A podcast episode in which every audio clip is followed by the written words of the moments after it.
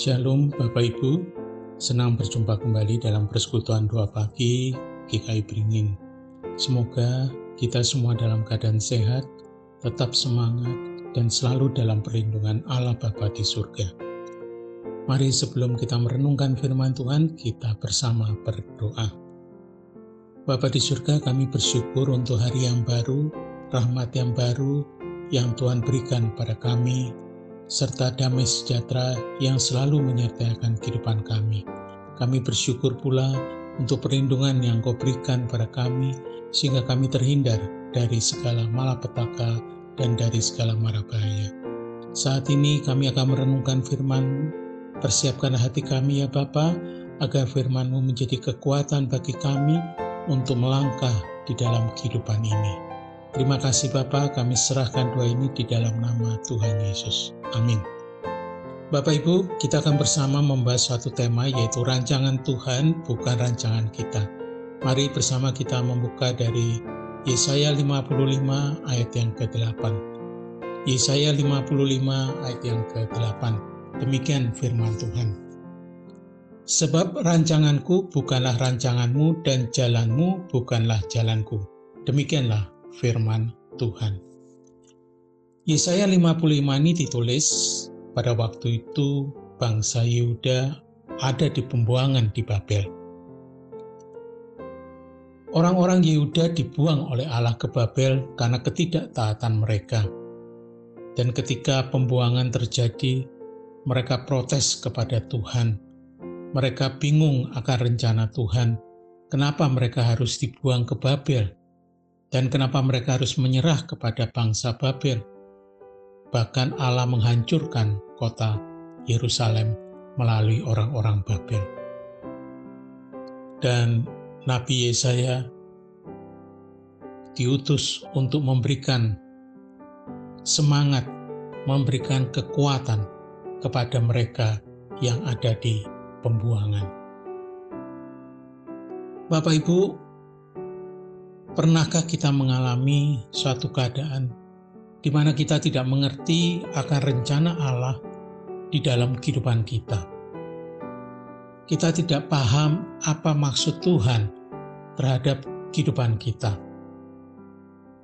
sehingga kita merasa kecewa, kita merasa sedih ketika rencana-rencana kita ataupun permohonan-permohonan kita tidak dijawab oleh Tuhan. Bahkan mungkin keadaan kita semakin memburuk. Ketika saya mengalami suatu pergumulan di dalam kehidupan ini, saya memohon kepada Tuhan untuk membantu saya untuk menyelesaikan permasalahan dan pergumulan saya ini. Tetapi saya melihat keadaan bukan semakin membaik, tapi keadaan semakin memburuk. Saya semakin bingung dan saya semakin khawatir. Dan ayat ini kemudian timbul di dalam kehidupan saya, di dalam Yesaya 55 ayat 8 tadi. Hati saya bukan bertambah sukacita atau damai sejahtera Bapak Ibu, tapi justru ketakutan yang timbul di dalam kehidupan saya. Karena apa?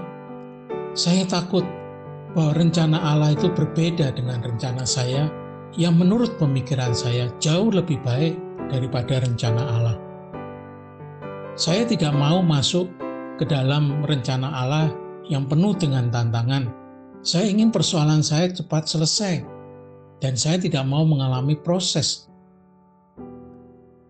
Apa yang dialami oleh bangsa Yehuda, mereka diperintahkan oleh Tuhan untuk tinggal di negeri Babel.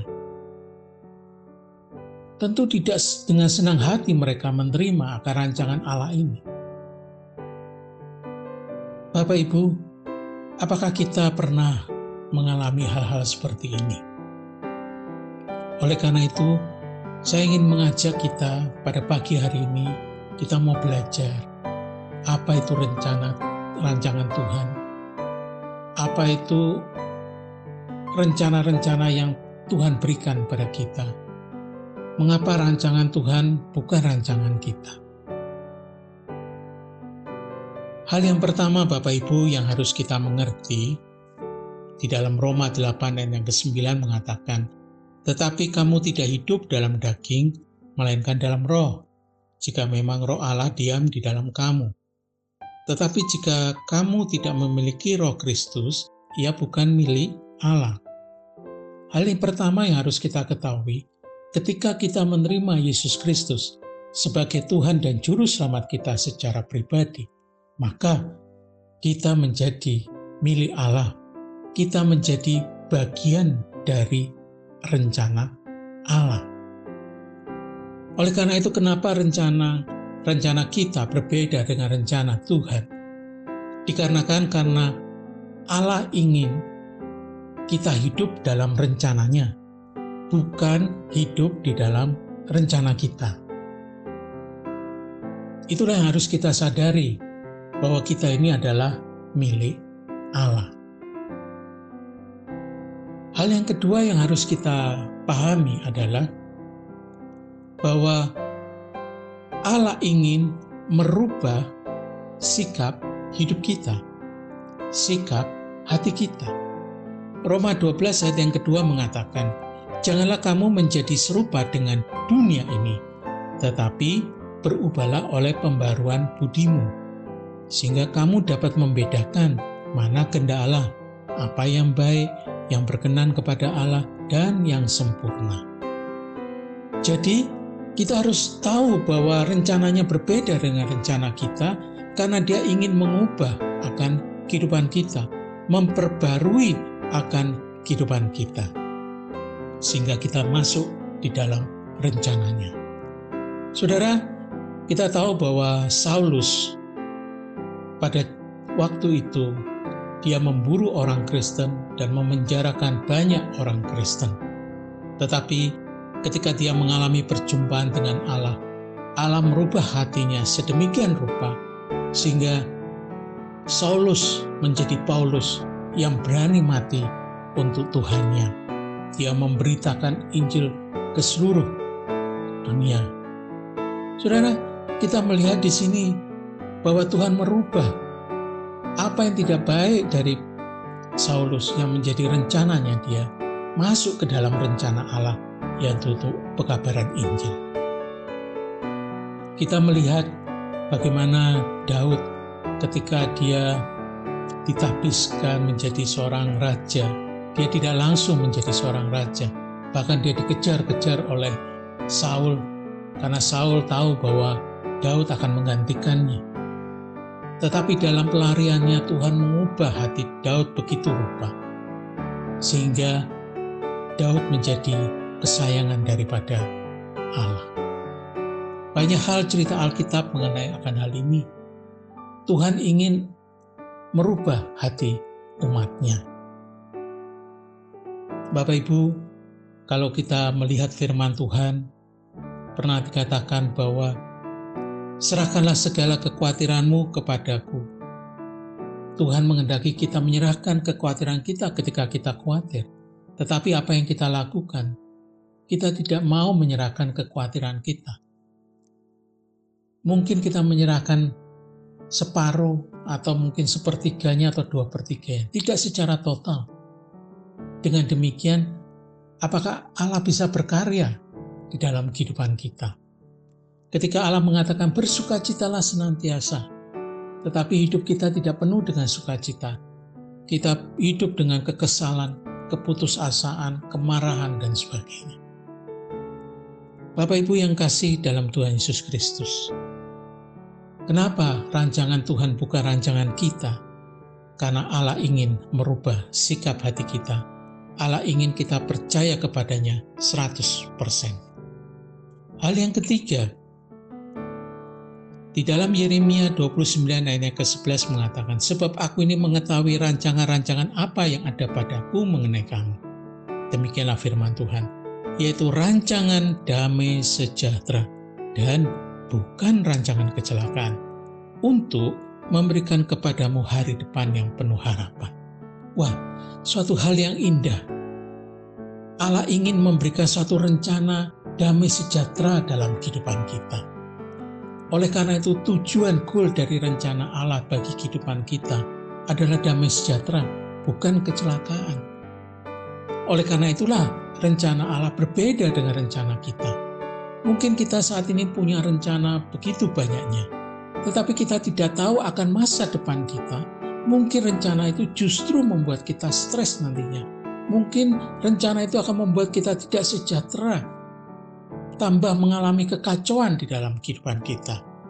Tetapi sungguh indah firman Tuhan ini. Tuhan menjanjikan bahwa rancangannya adalah rancangan damai sejahtera, bukan rancangan kecelakaan. Bapak Ibu, dari ketiga hal ini kita melihat mengapa rancangan Allah itu berbeda dengan rancangan kita. Bukan untuk memberikan yang jelek kepada kita, justru rancangan Allah menjadi rancangan kita untuk memberikan yang terbaik buat kita.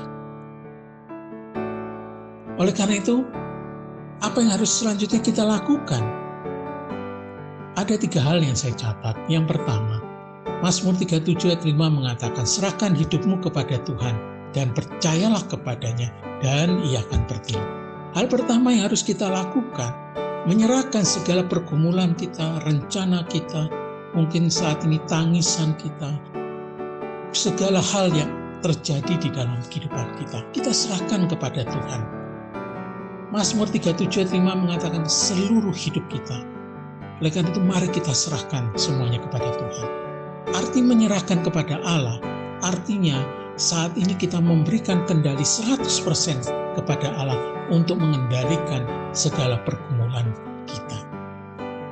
Hal yang kedua, minta hikmat daripada Allah Efesus 1 ayat 17 mengatakan, dan meminta kepada Allah Tuhan kita Yesus Kristus, yaitu Bapa yang mulia itu, supaya ia memberikan kepadamu roh hikmat dan wahyu untuk mengenal dia dengan benar. Artinya, setelah kita menyerahkan segala sesuatu, minta hikmat dari Tuhan, supaya kita tahu apa yang Tuhan kehendaki selanjutnya, langkah apa yang selanjutnya harus kita lakukan, keputusan-keputusan apa yang selanjutnya harus kita buat. Ketika keputusan itu mengalami kegagalan, kita tahu bahwa itu berasal daripada Tuhan karena sejak awal kita sudah mengikutkan Dia di dalam rencana kita. Hal yang ketiga, mintalah pimpinan Roh Kudus. Galatia 5 ayat 25 mengatakan, "Jikalau kita hidup oleh Roh, baiklah hidup kita juga dipimpin oleh Roh."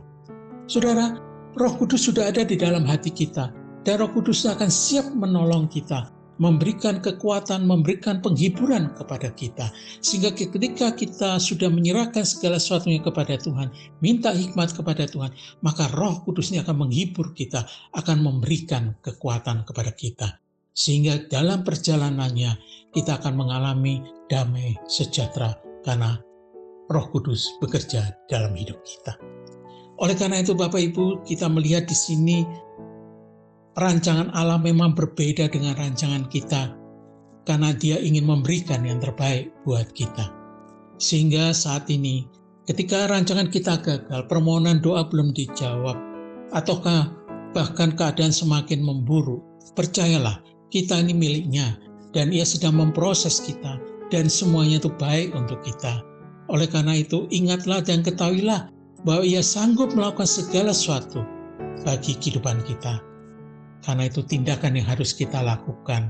Kita serahkan segala sesuatunya kepada Tuhan. Minta hikmat dan minta pimpinan roh kudus.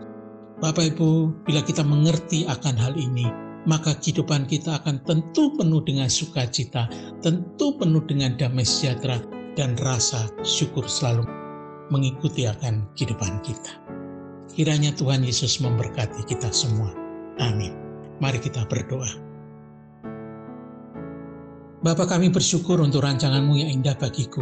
Rancanganmu membawa damai sejahtera bukan kecelakaan. Ampuni kalau kami dulu sering mengeluh atas kehidupan kami. Tetapi saat ini kami sadar bahwa keadaan yang kami alami adalah agar kami semakin melekat kepadamu, semakin bergantung dan semakin percaya akan Engkau. Sehingga kami di dunia ini betul-betul dapat mempersiapkan diri untuk sebuah kekekalan. Terima kasih Bapak kami serahkan seluruh rancangan, keinginan, seluruh kehidupan kami ini hanya kepadamu. Biarlah terjadi sesuai dengan rencanamu. Haleluya. Amin.